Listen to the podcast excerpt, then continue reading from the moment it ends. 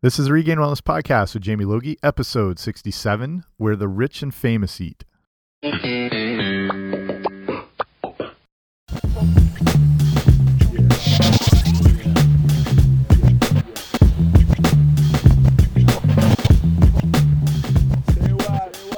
guys, what's happening? Welcome back to the podcast. I'm Jamie Logie. I run regainedwellness.com, and this is the Regained Wellness Podcast. So thank you so much for joining me here today.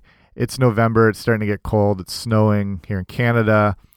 Hopefully, wherever you are, it's not too bad. People in the States getting ready for Thanksgiving. We already had ours in October in Canada. We like to get that done early and take all our time going into the Christmas season. So we spread things out just a little bit. So, speaking of eating and big meals and extravagance and all that good stuff. That's the topic of today's episode. And we're looking at where the rich and famous eat. And this isn't to be saying you have to eat at the most expensive restaurants and spend a fortune to be healthy.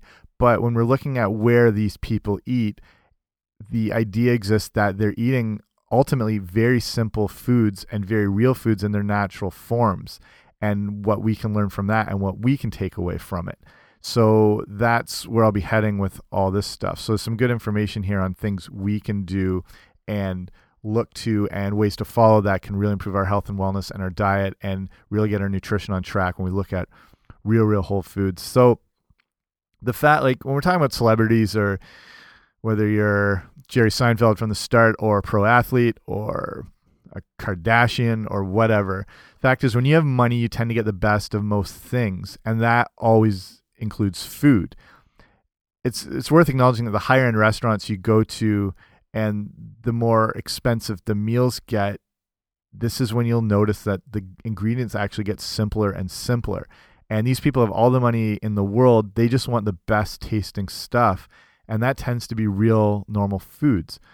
So how this can apply to you is that we want to eat how the rich and famous would, but it does not have to be that expensive. You don't have to spend a fortune and have a three month waiting list and say that you're friends with um, LeBron James to get into a certain restaurant or whatever. So I think the main idea to take away from all this is to look into that idea of simplicity.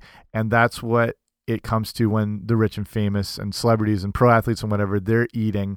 They're eating at the world's best best restaurants, and that one common uh, strain that runs through all of them is the food is very simple. And a lot of this is really demonstrated by the huge interest that is in food based programming on TV, like Food Networks, all these cooking shows. Everyone watches them all the time. And when you watch the, the preparation, whether it's a famous chef or it's a cooking contest or an episode like Chopped or whatever, when it comes to preparation, the one thing you hear, whether it's Gordon Ramsay to Mario Batali to whoever, is keep food simple. And there's a real reason why you want to do that. So we'll look into this a little more. And I, I really think food TV has helped generate this. I don't know if you call it like a real food movement or a, a whole foods explosion, and that people are very much more aware of better ingredients, eating local, all that sort of stuff. So, like when the Food Network started, started in 1993, it was barely getting 50,000 viewers a night. Today, you're looking at over a million to 1.5 million a day that watch countless food programs every night on TV through the day. And chef names are now as recognizable as many celebrities. So, example, you know, Gordon Ramsay and Mario Batali or Jamie Oliver or Emeril. People know Bobby Flay. Everyone knows Guy Fieri or Rachael Ray um, people know Giada, you know, cooking with Giada or at home with Giada, whatever that show is, or whether it's the Swedish chef. He doesn't count, but he counts to me. Everyone's aware of these high profile chefs and, you know, they're celebrities in their own rights. So the big shows everyone seems to watch that always bring in these ideas of real food and keeping food simple would be, you know, be shows like Top Chef or Master Chef. And I've had a few guests on. I've had Andrea Beaman on from she was on the very first season of Top Chef, and she's a holistic nutritionist, and she came on to talk about nutrition and thyroid health. And I'll link that episode up in the show notes, which today will be regainedwellness.com slash 067. So if you enter that address into your browser and go in, I'll, I'll link up some of these other episodes. So she, awesome, you know, TV contestant and great nutritionist with a lot of good info to share. And MasterChef just had on recently Julie Miguel, who was on the very first season of MasterChef Canada. And she came to talk about all things cooking, how to get confidence in the cook in the kitchen, where to start, how she got on the road to um, better cooking and becoming a better chef. And this is where, you know, I talk about a lot on the show where people seem to get tripped up is they gain a lot of nutrition knowledge and they learn what they need to eat, but then they don't know how to boil an egg or saute something or whatever. And then they get so intimidated by the kitchen, they tend to turn to more readily, easily prepared foods or processed foods or fast food or whatnot. So I'll link that episode again in with Julie in the show notes today. So you can hear from some real TV contestants who are right in the middle of all this stuff. And they talk about their time on, on TV as well, which I find really fascinating, the whole process and what the experience is like. So some of those other big shows, like I mentioned, Chop, Diners, Drive-Ins, and Dives is massive. Hell's Kitchen, obviously. Anything with Gordon Ramsay, Kitchen Nightmares. Um, if you want to see Gordon Ramsay at his best before he was super famous, there's a show uh, from the BBC or maybe it was ITV in England called Boiling Point, and it shows a very young Gordon Ramsay. I think he's not even 30, or maybe he's just 30. Before he was famous, they started with a show called Britain's Worst Bosses or something like that, and it was an undercover show. And someone went into his restaurant undercover, pretending to be a chef, pretending to be a chef, seeing what he was like, seeing him flip out and whatnot, as he's just on the process of trying to get his first Michelin stars, and he'd open his very first restaurant that was under his name. So he's under all this pressure, and it's when he's you know extremely hot headed and just trying to run this brigade and to get this this ship sailing to get everything moving. And it's pretty amazing because you see this guy before he's going to become what he becomes, where he's a world renowned, famous chef, also a celebrity. On, I mean, he was on the Tonight Show with Jimmy Fallon the other night, and he's so famous. And it's cool to go back and watch this show and see it all starting. And I think they're all on YouTube. Just look up Boiling Point. I'll link that up as well. But pretty fascinating. Other big shows: Iron Chef, huge show. Restaurant Impossible. You've got oh, really good. I like Anthony Bourdain in Parts Unknown, and he goes all around the world checking out all these different um, cultures and their cuisines. Another, th not to keep pushing Gordon Ramsay here, but he does all these shows that again I think were British TV, but they I think they air on the food networks over here. And they're called it's Gordon Ramsay's Great Adventures or something where he goes to these different countries. He'll go to India or he goes to Thailand or Vietnam and he immerses himself in the local culture and learns where their food comes from and how to prepare it and you know food at its absolute purest and yeah really good shows so i could keep going and going i'm sure you know most of these shows you probably watch all of them so with food being so high profile now more people are familiar with these terms of you know organic everyone knows what farm to table sort of means. If you if you've been watching South Park, you'll you'll get that joke. They've done some cool stuff this season talking about the same issue, the the growth of Whole Foods and the real food movement and stuff. So these other terms people are very familiar with, whether it's heirloom, seasonal, all that sort of stuff. And again, whether it's the contestants on Top Chef or it's the Master Chef contestants or it's on Chopped or it's Diners, Drive-ins and Dives, or it's Gordon Ramsay swearing his head off. They all stress the same thing simple, fresh, and local.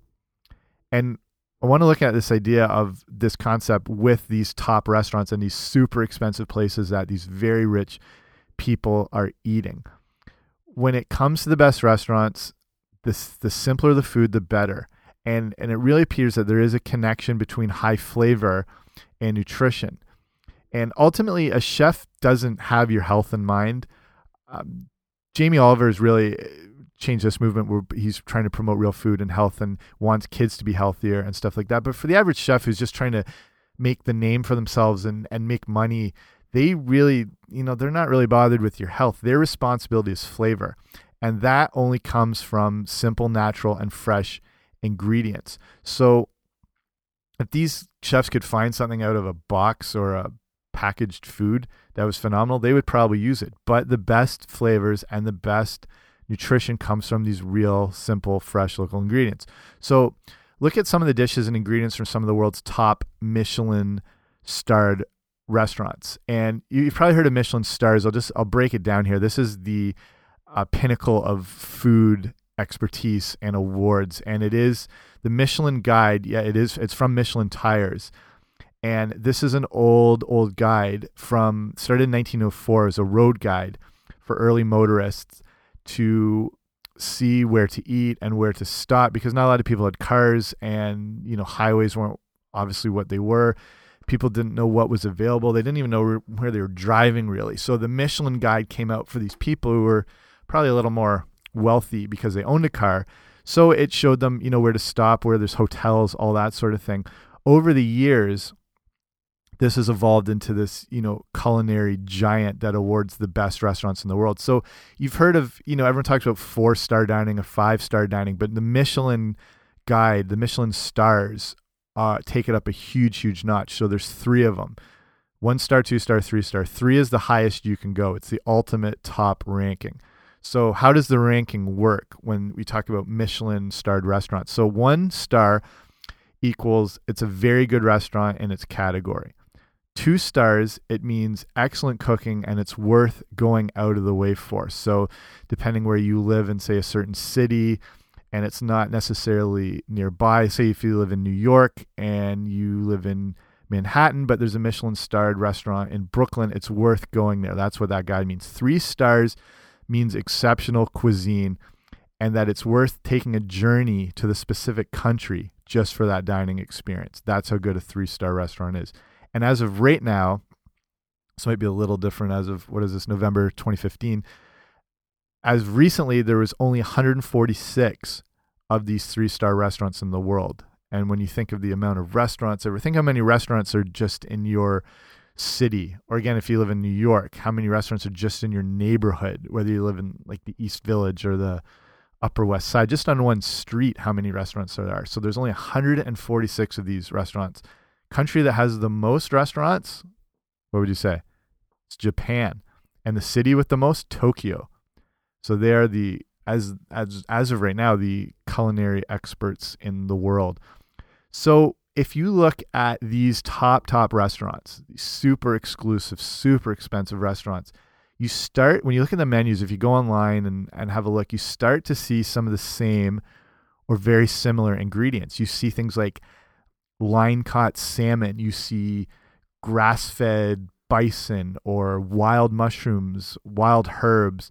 They'll talk about seasonal vegetables and you know pretty simple and clean ingredients and just as an example, here's one of the top Michelin restaurants in New York, um, three Michelin star restaurant called Daniel in the city. Here's some of the ingredients from a few of their dishes. Here's one dish. It's got squash ravioli with Brussels sprouts, black trumpet, sage brown butter emulsion, and pork belly. Then another of their top dishes is cilantro stuffed rabbit saddle with confit carrots, chorizo, honey glazed eggplant, and mustard and a mustard seed jus sort of sauce. And obviously, these are higher end ingredients, but there's nothing there you haven't heard of before, I, I doubt. And again, worth noting with these things is how few ingredients make up the dish. Like that first one, the, the squash ravioli one, two, three, four, five ingredients. That's it.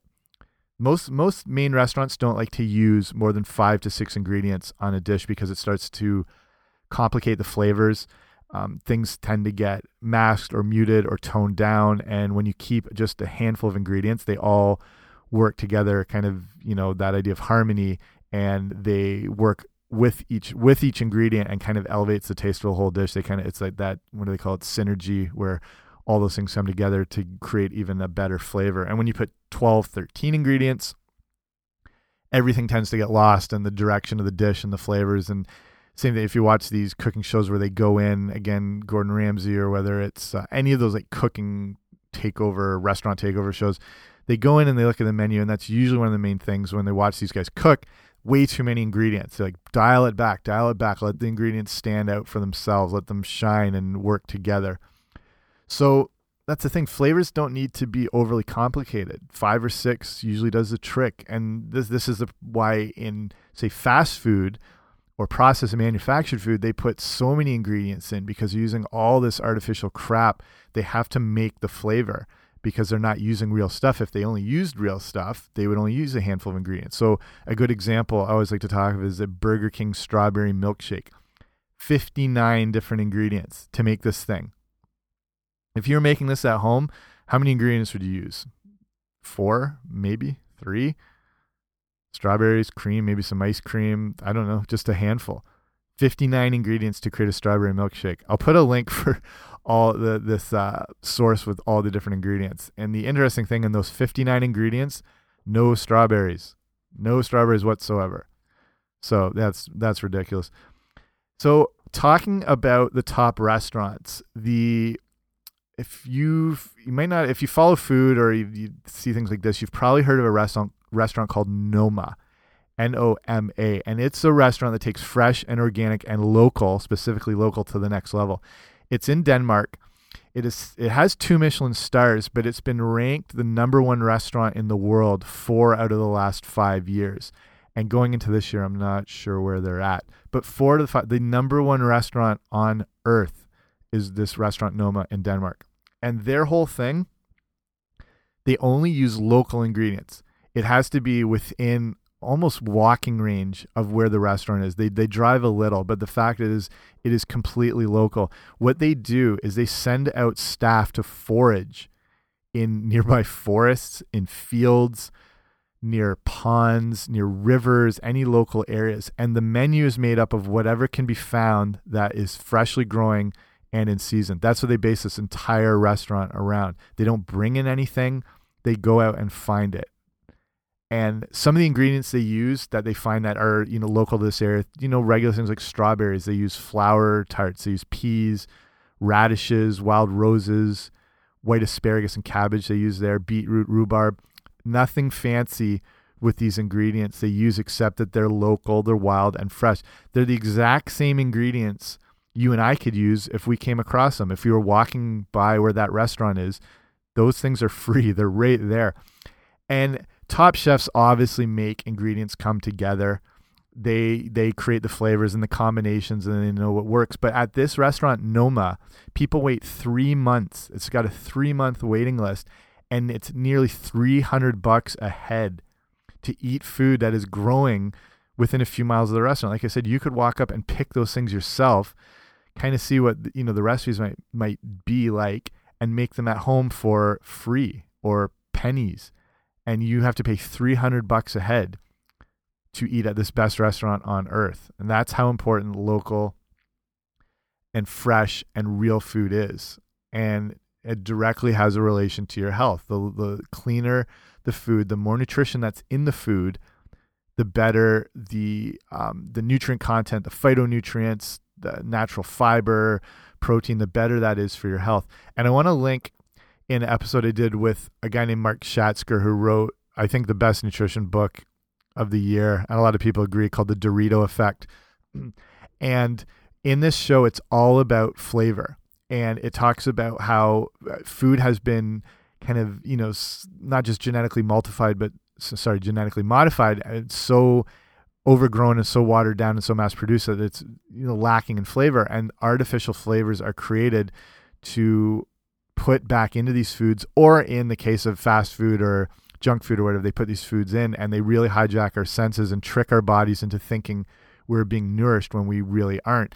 And he talks about all the different insights and research into how important the flavor in food is for our health and how we crave those certain things that do have um, the, that flavor nutrition connection and how important it is with our taste buds and with our brains and it's awesome i I know this is my show, but I listen to this show all the time. I just want to like I reread the book. I just like to hear what he's saying about this whole topic. It's amazing. So I'll link that up. And you know, go get that book, The Dorito Effect, as well. And it's phenomenal. And you really learn about this importance between the flavor of a food and how it's directly related to the nutrient content within that food and how good it is for us. So and then just this whole issue with, you know, talking about Gordon Ramsay and these foraging Danes who um, have a $300 per head restaurant and how this has to do with your health and wellness. And just to remind you that food doesn't have to be complicated and your health shouldn't be either. Either when you eat real food, when it's in its proper form and you avoid the processed and manufactured food like crap that's out there, you allow your body to take in the nutrition it was designed to use. So, how this applies to you is the first thing you can do if you're on the road to getting healthy and well, and you're not sure where to start, or if you've been on it for a while and you just need a reminder, is when you start with your grocery shopping, this is the first thing you want to do. If you shop in a regular grocery store, you want to avoid shopping in those middle aisles. That's where all the packaged, manufactured, processed, colorful crap exists. If a food has a commercial for it, you probably don't want to eat it, is a good tip. You want to stick to the outer ring of the store. This is where you find fresh, whole food in its natural state. So that's where you want to start. After that, this is when you want to start making improvements and then you can sort of take things to the next level it's like a michelin starred restaurant you start you know lower down you get one star you get two star you get three it's the same thing with your health and how you look at food and nutrition in your diet start basic. So start with that outer ring of the store. Get back to having real whole foods how they exist. You should be buying a food that doesn't have a, a list of ingredients on it. You know real food isn't um, doesn't have ingredients, it is ingredients. You use them for other dishes. So once you've become to become to embrace this real whole food, it's time to take the next step, get away from these big supermarkets, and now look for more smaller independent markets. And I would include, even though they're not smaller necessarily independent, I would include Whole Foods in this mix. If you're shopping at a big chain grocery store, and then you move into a Whole Foods, that's a great direction to go. And or you might have you know smaller family run markets or whatnot. But you know these places they still have kind of that similar layout to a grocery store. They still have processed stuff, and you know there's an outer ring and there's center aisles and whatnot, and there's processed stuff. But you know the emphasis in these stores tends to move towards fresh and local. And in a lot of cases, the food does not come from very far away compared to giant grocery stores that bring in products from the other side of the world that are picked early and then they ripen through transit. And by the time they get to your shelves, who knows what state they're in. So, getting local with your food gives you a more pristine version of that particular item, whether it's spinach or potatoes or kale or apples or beef or turnips or whatever. So, now that you've moved into more these, you know, markets and the places that focus on local stuff, now you want to start looking into finding farmers markets. You want to take the next step in nutrition. And to me, that would be farmers markets. So now, compared to these other, like the commercial type markets, or say a Whole Foods or whatever, or if you're in Canada, um, you know, we have stores like Farm Boy and we've got, you know, other stores that are trying to bring in more local foods, whether it's Loblaws or, or whatnot. But now, if you're getting into local farmers markets, which have exploded in growth, popularity, and availability. When you're at a farmer's market, you're now meeting the person that's growing the food. And this is taking food to the next level. They know all the ins and outs of that food, they know how it's grown, what to look for when you're picking out certain items. They'll tell you what to, you know, how to gauge it, what to look for, feel, touch, smell, all that sort of stuff. They'll tell you the best way to prepare things as well. These people have devoted their lives to whatever it may be, whether it's potatoes or sweet potatoes or beef or chicken or eggs or vegetables or broccoli. These people know this stuff. You know what I mean? So you know that the food is local because these people can't travel too far because they got to keep the food fresh and they can't spend all their time in transit. They're going to be within a certain amount of miles from that farmer's market. The food is truly organic. It's free from pesticides. It tastes night and day different than the supermarket counterpoints and then you counterparts and then you know you're getting one of the cleanest sources of of food you can get the next thing to do if you want to go one step further is get into this this is you know might not be up your alley but get into that idea of foraging whether that's growing your own stuff. I, i'd really recommend you know depending on your climate growing your own herbs very easy to do. Growing things like tomatoes extremely easy. Growing garlic going growing green onions bell peppers. I'm just thinking of the stuff that doesn't take a lot of effort. You don't necessarily have to have a green thumb to do it.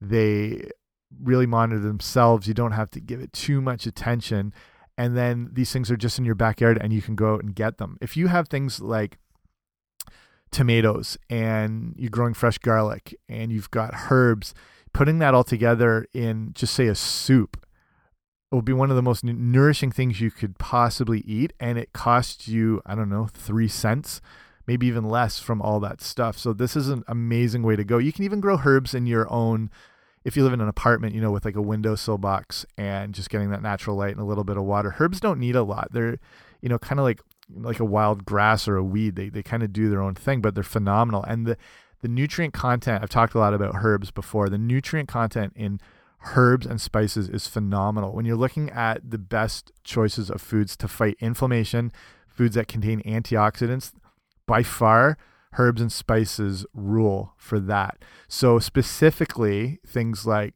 turmeric, uh, oregano, cloves, cinnamon, sage, rosemary, stuff like that. Any of them, they're all awesome. Those are the top handful. But also, they're the things that are easy to grow. So, I'd really encourage start growing these things yourself, whether it's in your house, in your backyard, or whatnot, and you can get the freshest versions of them possible. Parsley as well, cilantro, whatever. And then there's nothing wrong with the dried versions as well. Just keep these on hand. Honestly, every meal you eat should have some form of herb and spices in it. And you should get these all the time just because that phytonutrient um, quantity and the antioxidants, you know, they help to fight certain cancers and premature aging in the body and DNA damage in your own cells. Very powerful stuff. So totally recommend to do that. And then that foraging issue, again, this is super I don't know if you want to say advanced, but um, precise stuff where you're looking at what's available in your local area, where it's fine, you know, if it's wild herbs or fruits or whatnot that you can find. There's there's places you can find online that are groups that'll take you out, showing you what to look for um, as far as greens and and whatnot. So I mean that that's up to you, but that's you know definitely taking the next level, and it's you know getting you more in tune with nature and eating what's local to you and what we'd be actually eating. If you look at us, you know the ancestral diet, these are the things they would be eating. Where I live here in southwestern Ontario, nearby is one uh, the old remains from na old native Canadian villages that go back five six hundred years, and and possibly even farther as they settled at the end of the ice ages. And if you go into these villages, there's a lot of the stuff still intact from the, places because they're up on the hills and they have close proximity to the river and water. And they talk about the diet where they would find and grow things like wild potatoes, and they would find all these different leaves and, and herbs and you can look at what the diet would look like and that's getting really in tune with what your body is kind of designed to eat so again that's advanced level stuff but you can see it's all about that progression. The more you get to appreciate real food get to appreciate the flavors and get really accustomed to them you want to you'll just naturally want to find the best versions of those foods possible. Trust me once you get exposed to them it really gets you on that road to appreciating real real food. So start winding it down here. Just like um, Sean Croxton, if you listen to Underground Wellness, he coined that phrase called JERF, just eat real food. And that's all you need to know when it comes to your nutrition.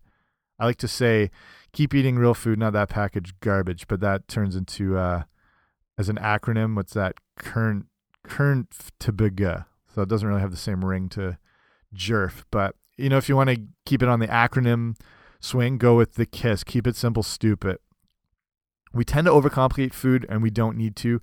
Everything in real whole food is there how it's intended. if you're getting real whole food, that's the majority of the battle one right there. You're getting stuff in its complete form. So if you haven't, start embracing that outer ring at the grocery store. Stay away from the center aisles, the packaged and manufactured crap. I can confidently say if what you eat comes in a package or a box, it's not a good food to be healthy at all. Stay away from things that have ingredients on them ingredient lists and profiles and stuff like that. Um, focus on real, try to get double digit servings of green leafy vegetables each day. Stay away from vegetable or seed oils. Try to find, you know, olive oil, coconut oil for your own dressings. Look at drinking a lot of water. Start cutting out the sugar, especially from beverages. Real food in its proper state is what you need in order to take back your health. And that's basically all I have to say about that. So, if you have any questions or things you want to talk about as far as what foods are good or what you want to be including, make sure you sign up for the Regained Wellness newsletter because when you do sign up, I send off this free ebook called the Health Eating Starter Kit. So getting that gets you on track with some more of those specific foods you want to be including, and just importantly, things you want to be avoiding and why you want to be avoiding. Uh, sorry, why you want to be avoiding those. It's also got some recipes. So if you go to regainedwellness.com slash guide, you can sign up for that and it's sent on over to you right away. And it's also, if you go to the main page on the website, there's a sign in box rate when you're greeted, besides seeing my charming face, which is up there as well. So if you're not too distracted by that, make sure to sign up. And then there's a lot of information I share just through email as far as, you know, whether it's um, nutrition insights, recipes, and whatnot. So thank you for joining me. Hope you like the show. If you do, please subscribe on that old iTunes machine just so you can get them constantly delivered to you. If you do like the show, if you could hook me up with a rating and review, that would be pretty sweet. Do me a solid, and then more people get exposed to the show. So, in your own health pursuits, remember like how it's not going to go perfectly, but that you're making these strides and always focus on progress and not perfection. See you next time. Bye.